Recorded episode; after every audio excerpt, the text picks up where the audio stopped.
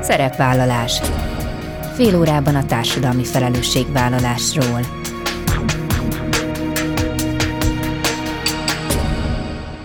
Jó napot kívánok! Bíró Bori köszönti Önöket. Adásainkban hétről hétre példákat hozunk arra, hogy egy-egy cég vagy intézmény, netán magánszemély, milyen formában, milyen eszközökkel járul hozzá anyagi gondok, társadalmi problémák orvoslásához, az életminőség javításához, a fenntartható fejlődéshez. Így módon is kifejezve, hogy felelősséget érez azért a környezetért, amelyben él és dolgozik. Ötödik alkalommal adták át az egészségügyben, oktatásban és gyógyszerészetben dolgozók számára meghirdetett Richter Anna díjat. Ezúttal hat pályázó csapat álma válhat valóra, közülük a mai műsorban kettő mutatkozik be. Elsőként a pedagógus kategória győztese, a bátor küldetése. Dr. Fröli Georgina egyetemi oktató, kutató, az Országos Onkológiai Intézet sugárterápiás fizikusa mesél a projektről, amely az onkológia ridegvilágát igyekszik kalandá varázsolni a gyerekek számára. Őt az egészségügyi kategória győztese Széni Dégi Fanni, az orosházi dr. László Elek kórház szakápolója követi.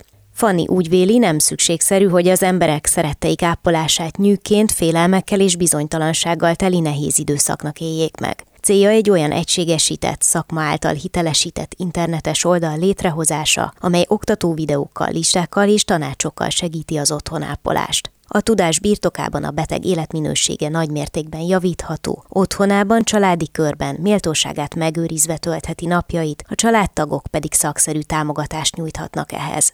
Ezek a mai témáink, tartsanak velünk! Mai első beszélgető társam dr. Fröli Georgina, egyetemi oktató, kutató és sugárterápiás fizikusként az Országos Onkológiai Intézetben is dolgozik. Jó napot kívánok! Jó napot kívánok! Mert hogy az önök projektje lett az egyik nyertes az idei Richter Anna díjon. Először is szeretettel gratulálok. Köszönjük szépen. Ez egy nagyon klassz csapat, mert hogy úgy tudom, hogy a lányából és a fiaiból állt össze, és egy nagyon érdekes, tulajdonképpen egy kalandot álmodtak meg, aminek az a fantázia neve, hogy bátor küldetése, és ez kifejezetten azoknak a gyerekeknek készül, akiket sugárterápiával kezelnek. Minden kórházi tartózkodás nehézséget jelenthet egy gyereknek, de azt gondolom, hogy az onkológia talán mind közül az egyik legfélelmetesebb tud lenni.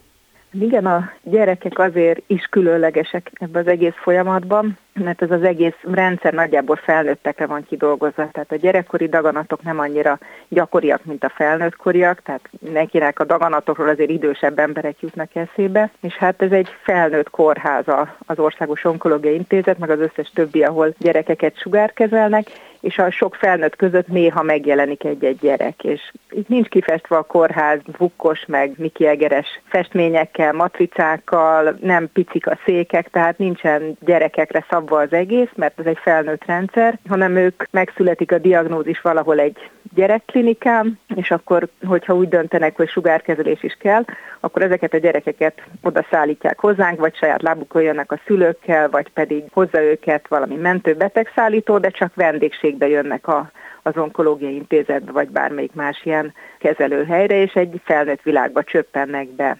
Tehát nekik ebből a szempontból egy kicsit nehezebb dolguk van, tehát nincsen ott másik gyerek, csak ők általában, és minden olyan felnőttes, és egészen máshogy zajlanak a magyarázatok, a szülőknek magyarázzák el főleg a kezelés menetét, és hát így a helyükbe képzelve magamat én úgy érezném, mint hogyha egy óriások között egy kis törpe lennék, aki teljesen ki van szolgáltatva az óriásoknak. Tehát nem elég, hogy ugye kórházi környezetbe kerülnek, hanem ott egy olyan közeg veszi őket körbe, ahol nagy részt felnőttek vannak, orvosok, ápolók vannak.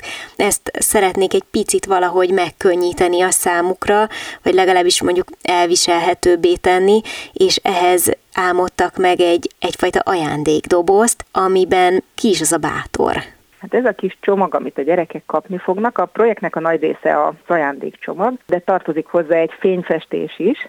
A lényeg az, hogy a, egy ilyen kis világot teremtsünk a gyerekek köré, ami már sokkal kézzelfoghatóbb nekik, és amivel könnyebben tudnak azonosulni, és ezért találtuk úgymond ki ezt a Bátor nevű kis hőst, aki igazából eredetileg egy kis Lego figura, ugyanis a, ennek a kis ajándékcsomagnak az egyik fő attrakciója, vagy talán ami, aminek a legjobban fognak szerintem örülni a gyerekek, az egy kis Lego gyorsító, tehát a besugárzó készüléknek a kis Lego makettja, amit megkapnak a gyerekek, és összerakhatják, szétszedhetik, hazavihetik, ha akarják, földhöz vághatják, hogyha mérgesek, bármit csinálhatnak vele az öviké, és eljátszhatják vele a kezelést.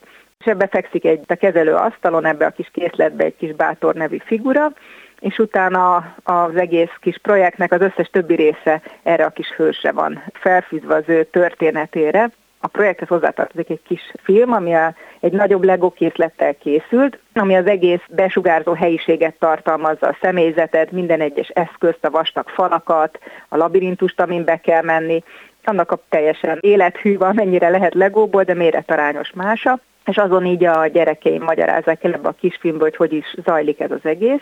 Tehát, hogyha egy kisgyerek megkapja ezt a kis játékot, megnézi ezt a kis filmet, akkor már előre eljátszhatja akár, hogy vele mi fog történni, és egy kicsit ismerősebb közegbe fog belépni, és talán nem fogja olyan félelmetesnek érezni, és esetleg azonosulni tud majd ezzel a kis bátor nevű figurával, és amikor belép majd a besugárzó helyiségbe, akkor a terveink szerint ott nem az eredeti fények lesznek, hanem a, az üres fehér falakat megvilágítjuk egy kis projektorral, és bátort ezt a hős figurát a falra vetítjük, illetve a besugárzó készülékre meg űrhajót fogunk vetíteni, ugyanis a projektnek szintén része egy ilyen kis füzetke, amiben bátorról vannak mindenféle játékos feladatok, fotonlabirintus, kis viccek, sugárterápiás témájú viccek, keresztrejtvény, szókereső, mindenféle, és egy kis képregény bátorról, aki fölfekszik a kezelőasztalra, ráteszik a maszkot a fejére, a rögzítő maszkot, becsukja a szemét, és akkor egy űrutazásra indul a gyorsító, valami űrhajóvá változik, és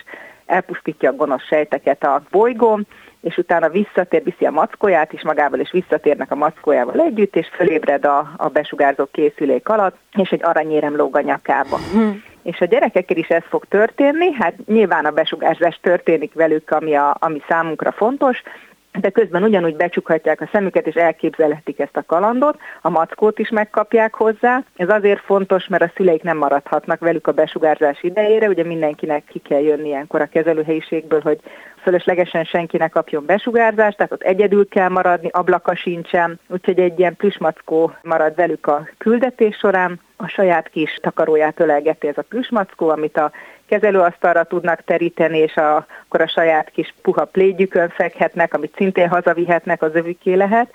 Tehát így egymásra épülnek az elemei ennek a kis ajándékdoboznak meg a projektnek, és hát a végén, aki ebbe a kis füzetbe az összes pecsétet összegyűjtötte, tehát minden egyes kezelési alkalommal kért egy ilyen kis dátumpecsétet a kezelőasszisztensektől, az a végén az orvostól megkapja az aranyérmet a küldetésért, ami hát még titok, hogy milyen formájú lesz, de lehet sejteni. De akkor tulajdonképpen ez a küldetés, ez modellezi a gyerekek útját a kezelések során, tehát amikor ennek vége, akkor az azt jelenti, hogy a kezelés sorozat is véget ért. Igen, igen, igen, és hát minden egyes elemét megtarthatják, tehát kapnak egy ajándékot. Az eredeti koncepció az volt, hogy adjunk nekik plüst, mert én a saját gyerekeimből is tudom, hogy bármilyen fájdalmat el lehet viselni, vérvételt, akármit, ha jár érte ajándék, és az az ajándék plüss, akkor az plusz pont. A másik pedig az volt, hogy ez a kis Lego gyorsító már jó pár éve megvan, és a gyerekek, amikor ezzel játszhatnak egy kicsit, amikor ott ülnek az orvos szobájába, és a, a szülőknek magyaráz az orvos, addig közben ők ugye ott játszhatnak, és általában haza akarják vinni. Mennyire nehéz egy ilyen innovatív projektet bevinni a kórházi környezetbe? Nyilván könnyebbséget okoz, hogy Georgina ott dolgozik, tehát nem kívülről idegenként érkezik valaki, aki szeretne megvalósítani valamit, amiről nem tudják, hogy mi az, de azért nyilván az onkológia egyébként is egy sterilebb és védettebb környezet, hogy milyen nehézségekkel kell ilyen szempontból megküzdeniük.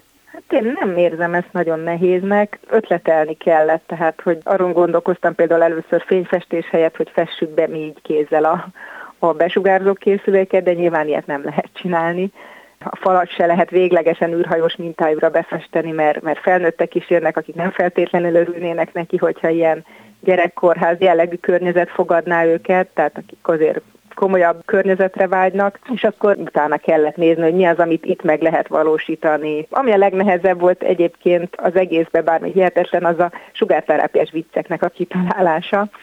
Tehát ez, ez az a terület, amiről csak morbid viccet lehet kitalálni, de szerencsére van három gyermekem, akik segítettek olyan viccet kitalálni, amin hatalmasokat hahótáztak, és köze van a sugárterápiához, meg a részecske fizikához, és ez lesz a, a poénja a keresztejtvénynek a kis füzetbe, tehát nekem például ez okozott nehézséget, hogy egy olyan viccet, ami gyerekeknek is emészthető, de ne kelljen hozzá atomfizika tudás, és ne legyen morbid, ne legyen benne semmi gúnyos, vagy olyan, ami rosszul esett egy gyereknek, tehát ezek a, az elemei voltak igazából úgy nehezek, de a minden kollega igazából, akit ebbe bevontam, vagy akinek felvázoltam az ötletet, ők nagyon örültek neki. Hogyha már a három gyerekét említi, ugye az elején mondtuk, hogy tulajdonképpen családi csapatról van szó, hiszen együtt álmodták meg ezt a projektet.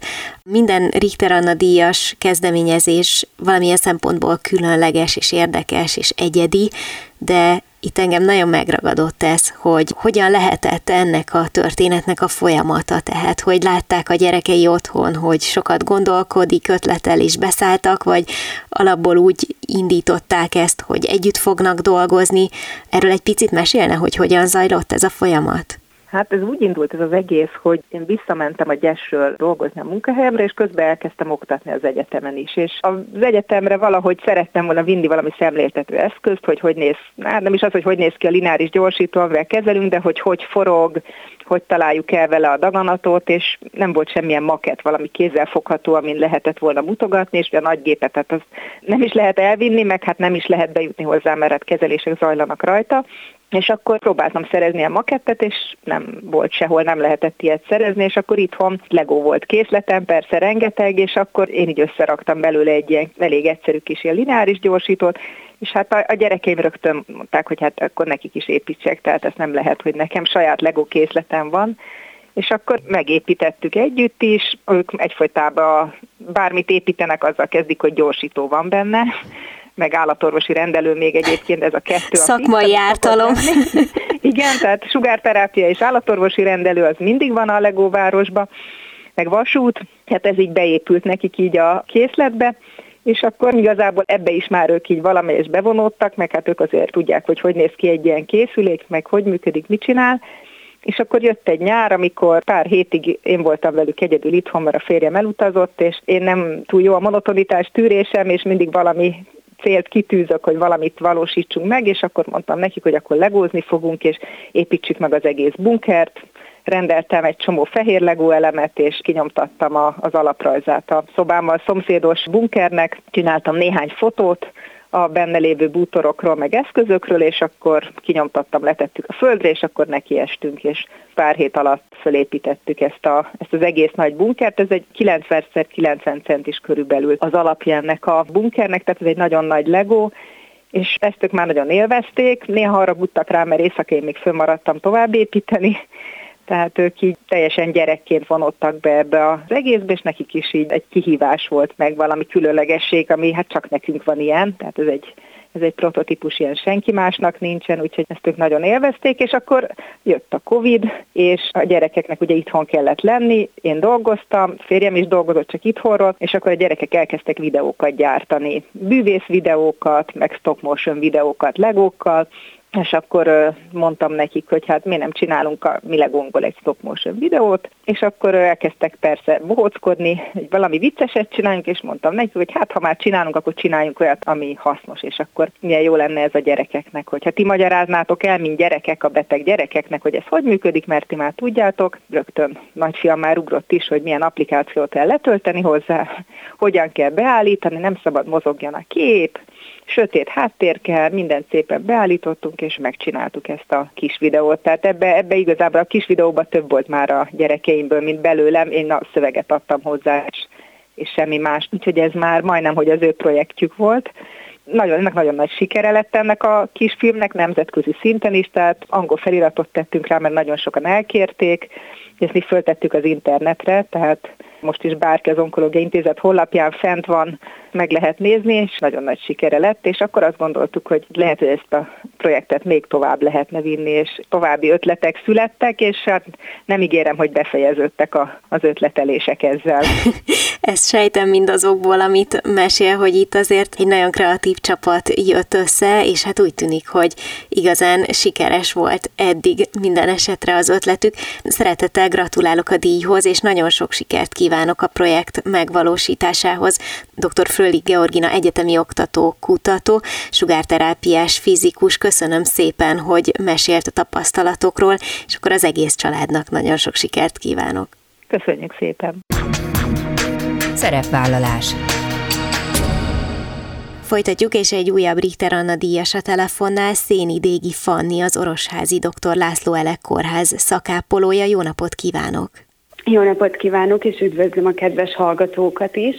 Szeretettel gratulálok elsőként a díjhoz, mert hogy egy olyan témára tapintott rá, és egy olyan projektet talált ki, aminél talán kevesebb fontos van most itt Magyarországon, legalábbis, hogyha az egészségügy területét nézzük, az otthonápolásról van szó, ha jól tudom, akkor egyrészt a segítő szakmát is saját indítatásból választotta Fanni, és aztán ennek a projektnek az alapját is ez határozta meg. Mesélne erről egy picit? Igen, igen. 13 éves voltam akkor, amikor édesanyámnál rákot diagnosztizáltak, és az anyai nagyszüleim segítségünkre voltak, de hát lényegében mi ketten voltunk egymásnak, és hát a kemoterápiás kezelések nagyon-nagyon megviselték édesanyámnak a szervezetét, nagyon legyengült, leesett lábról, és hát mindenben gyakorlatilag én voltam a segítségére, én ekkor döntöttem el azt, hogy valamilyen formában egyszer majd embereken szeretnék segíteni. Az, hogy milyen formában, az akkor még úgy kislányként nem fogalmazódott meg bennem, de az, hogy az a pozitív érzés, hogy a család kitartásának és összetartásának köszönhetően édesanyám felépült egy nagyon-nagyon súlyos betegségből, ez így hatott rám. És az első gyermekemmel voltam várandós, amikor láttam az Orosházi Dr. László Elek kórháznak a felhívását, hogy szakápolói képzést indítanak. Előtte is emberekkel foglalkoztam, de egy kicsit más jellegű volt, azért azt éreztem, hogy az nem teljesen az, amit én szeretnék csinálni, és beiratkoztam az ápolói képzésre, és már a tanulmányaim alatt, a gyakorlati órákon, az első gyakorlati órán éreztem, hogy én hazaérkeztem, és megtaláltam azt, amivel egész életemben szeretnék foglalkozni, és hát még a képzés ideje alatt fölvettek, kisnővérként dolgoztam a kórházba, majd megszereztem a képesítést, és onnantól kezdve szakápolóként dolgozok azóta is ott a kórházban. És már ápolóként találkozott azzal a jelenséggel, hogy Nyilván különböző a helyzet az ország egyes pontjain, de ma Magyarországon talán az egyik legnagyobb problémát az jelenti, hogyha egy családtag tartós ápolásra szorul, mert a többi családtag általában dolgozik, nem ér rá legalábbis egy folyamatos ápolást nehezen tud biztosítani, a kórházak meg túlterheltek, a szociális otthonok túlterheltek, tehát hogy nagyon nehéz helyzetbe kerül ma Magyarországon egy család, hogyha valamelyik tagja tartós ápolásra szorul, és ilyenkor kézenfekvő az otthonápolás, de hát azért ehhez nagyon kevesen értenek, nagyon kevesen mernek ehhez hozzákezdeni, szóval, hogy ugye említette, hogy, hogy gyerekként találkozott az otthonápolással, de gondolom, hogy ápolóként sok-sok olyan élethelyzettel találkozhatott mégis, ami arra sarkalta, hogy ezzel kapcsolatban érdemes gondolkodni. Igen, ápolóként mi folyamatosan találkozunk ezzel. Én belgyógyászati osztályon dolgozok, azért ugye ez elég sok betegségfajtát és elég sok sorsot ölel magához, és nagyon sok mindennel találkozunk. Én ápolónőként is rengetegszer találkozok azzal, hogy elsősorban szerintem félnek az emberek. Nyilván mi ezt évekig tanuljuk egy iskolába, és nagyon nehéz ezt laikusként ezzel szembesülni, hogy az édesanyám, édesapám, az én szeretteim egy ápolásra szoruló beteg emberként érkeznek haza a kórházból, amikor ugye már orvosi felügyeletet nem igényelnek, aktív kórházi kezelést nem igényelnek, de ápolásra szorulnak. Szerintem nagyon-nagyon sok mindenkit megrémiszt.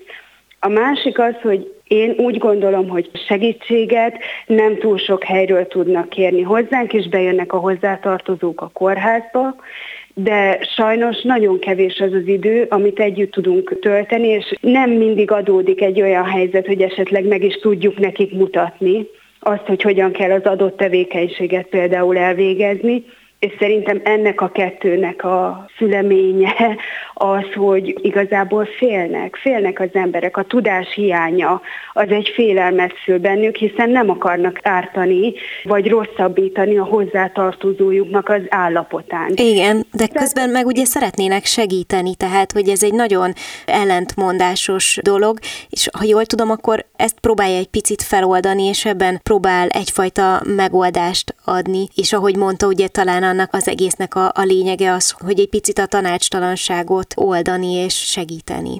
Igen, ehhez van egy nagyon pici személyes történetem, ha belefér, az ápolyotthon.hu legelőször ott kezdődött el bennem megfogalmazódni, amikor a pandémia ideje alatt a második gyermekemmel voltam várandós, és a édesapámnak az anyukája, az én nagymamám, elkapta a koronavírust, és nagyon hosszan tartó négy hetes kórházi kezelést igényelt, és az addig kiváló egészségnek örvendő nagymamám teljesen leesett lábról. És hazaadták a kórházból, próbáltunk segítséget kérni, nekem nagyon nagy volt a pocakom, nem bírtam felutazni Budapestre, hogy velük legyek. Próbáltunk háziápolót keresni, de a Covid miatt sajnos nagyon nem lehetett találni. És édesapám vállalta magára azt, hogy ő majd akkor ápolja otthon az édesanyját. És ott jött a probléma, hogy engem 0-24-be elért telefonon, ráadásul én ápolónőként álltam a rendelkezésére, és egyszerűen szegény azt, amit én elmondtam neki telefonon, ő ezt a gyakorlatban nem bírta átültetni és akkor megkértem a nagyfiamat, hogy játsza el a beteg Bédinek a szerepét, levideóztuk, hogy hogyan kell mozgatni őt, hogyan cserélje ki alatta a lepedőt, hogyan ültesse föl, hogyan adja be az injekciót, eljátszottuk, és így apukám ezt átbírta ültetni a gyakorlatba. Fantasztikus. És, és, és így fogalmazódott uh-huh. meg legelőször bennem, hogy ezt egyszer valamilyen formában ezt meg kell csinálni. És tulajdonképpen és akkor... a Richter Anna díjnak a felhívása, és akkor ment tovább ez az egész. Igen, tehát tulajdonképpen akkor a felhívás hatására kvázi intézményesítette ezt az ötletet, Igen. és ugye ezen a weboldalon igyekszik, ahogy mondta, szemléltető videókkal, meg különböző tanácsokkal segíteni azokat, akik otthonápolásra szorulnak. Igen, az ápolyotthon.hu egy internetes weboldal lesz, amin oktató videókkal, listákkal és különböző tanácsokkal próbáljuk segíteni azokat, akik az otthonápolás nehézségeivel szembesülnek. Hiszen az oktató videók azok visszatekerhetőek lesznek, hogyha valami nem egyértelmű, bármikor visszatekerheti, megállíthatja, hogyan is volt az a mozdulat, hogyan is csináltuk. És akkor így ezeknek az ismétléseknek köszönhetően én úgy gondolom, hogy azért egy nagyobb biztonság biztonságérzetet ad az ápolónak is, és az ápoltnak is. Mert ugye egy rossz mozdulattal akár mindkét félnek is lehet sérülést okozni és ez amúgy is egy megterhelő időszak. Tehát azért az, hogy a saját szeretemet ápolom otthon, ez mindig egy plusz nyomást jelent. És talán így egy kicsit könnyebb lesz mindenkinek. Az internetnek köszönhetően pedig országszerte bárkinek elérhető lesz. És itt az a jó, hogy nyilván az internetről egyébként sok mindent össze lehet halászni, de itt egyrészt egy helyen lesz minden információ, másrészt szakembertől, harmadrészt pedig azért nyilván sokféle élethelyzet, meg betegség van, de gyanítom, hogy azok a mozdulatok, meg azok a tevékenységek, amiket ön majd bemutat, azok nagyrészt érintenek mindenkit, aki otthon ápolásra szorul. Igen, a videókkal én úgy gondolom, hogy száz százalékban megpróbáljuk lefedni az otthonápolással kapcsolatos dolgokat, mindent igyekszünk, és szakma által hitelesítve lesz itt orvos, gyógytornász, mindenki bele lesz ebbe vonva, és ami nagyon-nagyon fontos, hogy ez laikusok számára készül. Nem ápolókat képzünk a videókkal, hanem tényleg csak és kizárólag az otthoni ápolást segítve, úgy, hogy bárki számára ez elsajátítható és megérthető legyen. Természetesen van az a pont, amikor nem vállalható a család számára, ez mindenki maga dönti el, nem is ezt akarjuk súlykolni senkibe, hogy mindig mindenáron csak és az otthonápolás a megoldás, de azért én úgy gondolom, hogyha csak ennyi hiányzik, hogy van egy kis tapasztalatlanság, a tudás hiánya, akkor ezekben nagyon próbálunk segíteni, hiszen a beteg az otthonába sokkal jobban gyógyul, a családja környezetébe és méltóság teljesen tudja viselni a betegségét is, és boldogságban eltölteni a hátralévő éveit. Nagyon gratulálok a díjhoz, és sok sikert kívánok az ápolyotthon.hu oldal elindulásához. Szénidégi Fannival, az Orosházi Dr. László Elek kórház szakápolójával beszélgettem. Köszönöm szépen.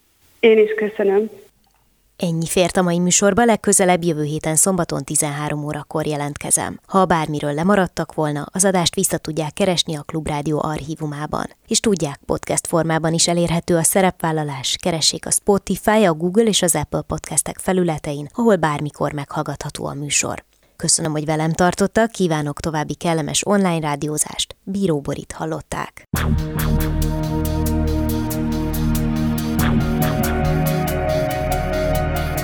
A Szerepvállalás című műsorunkat hallották.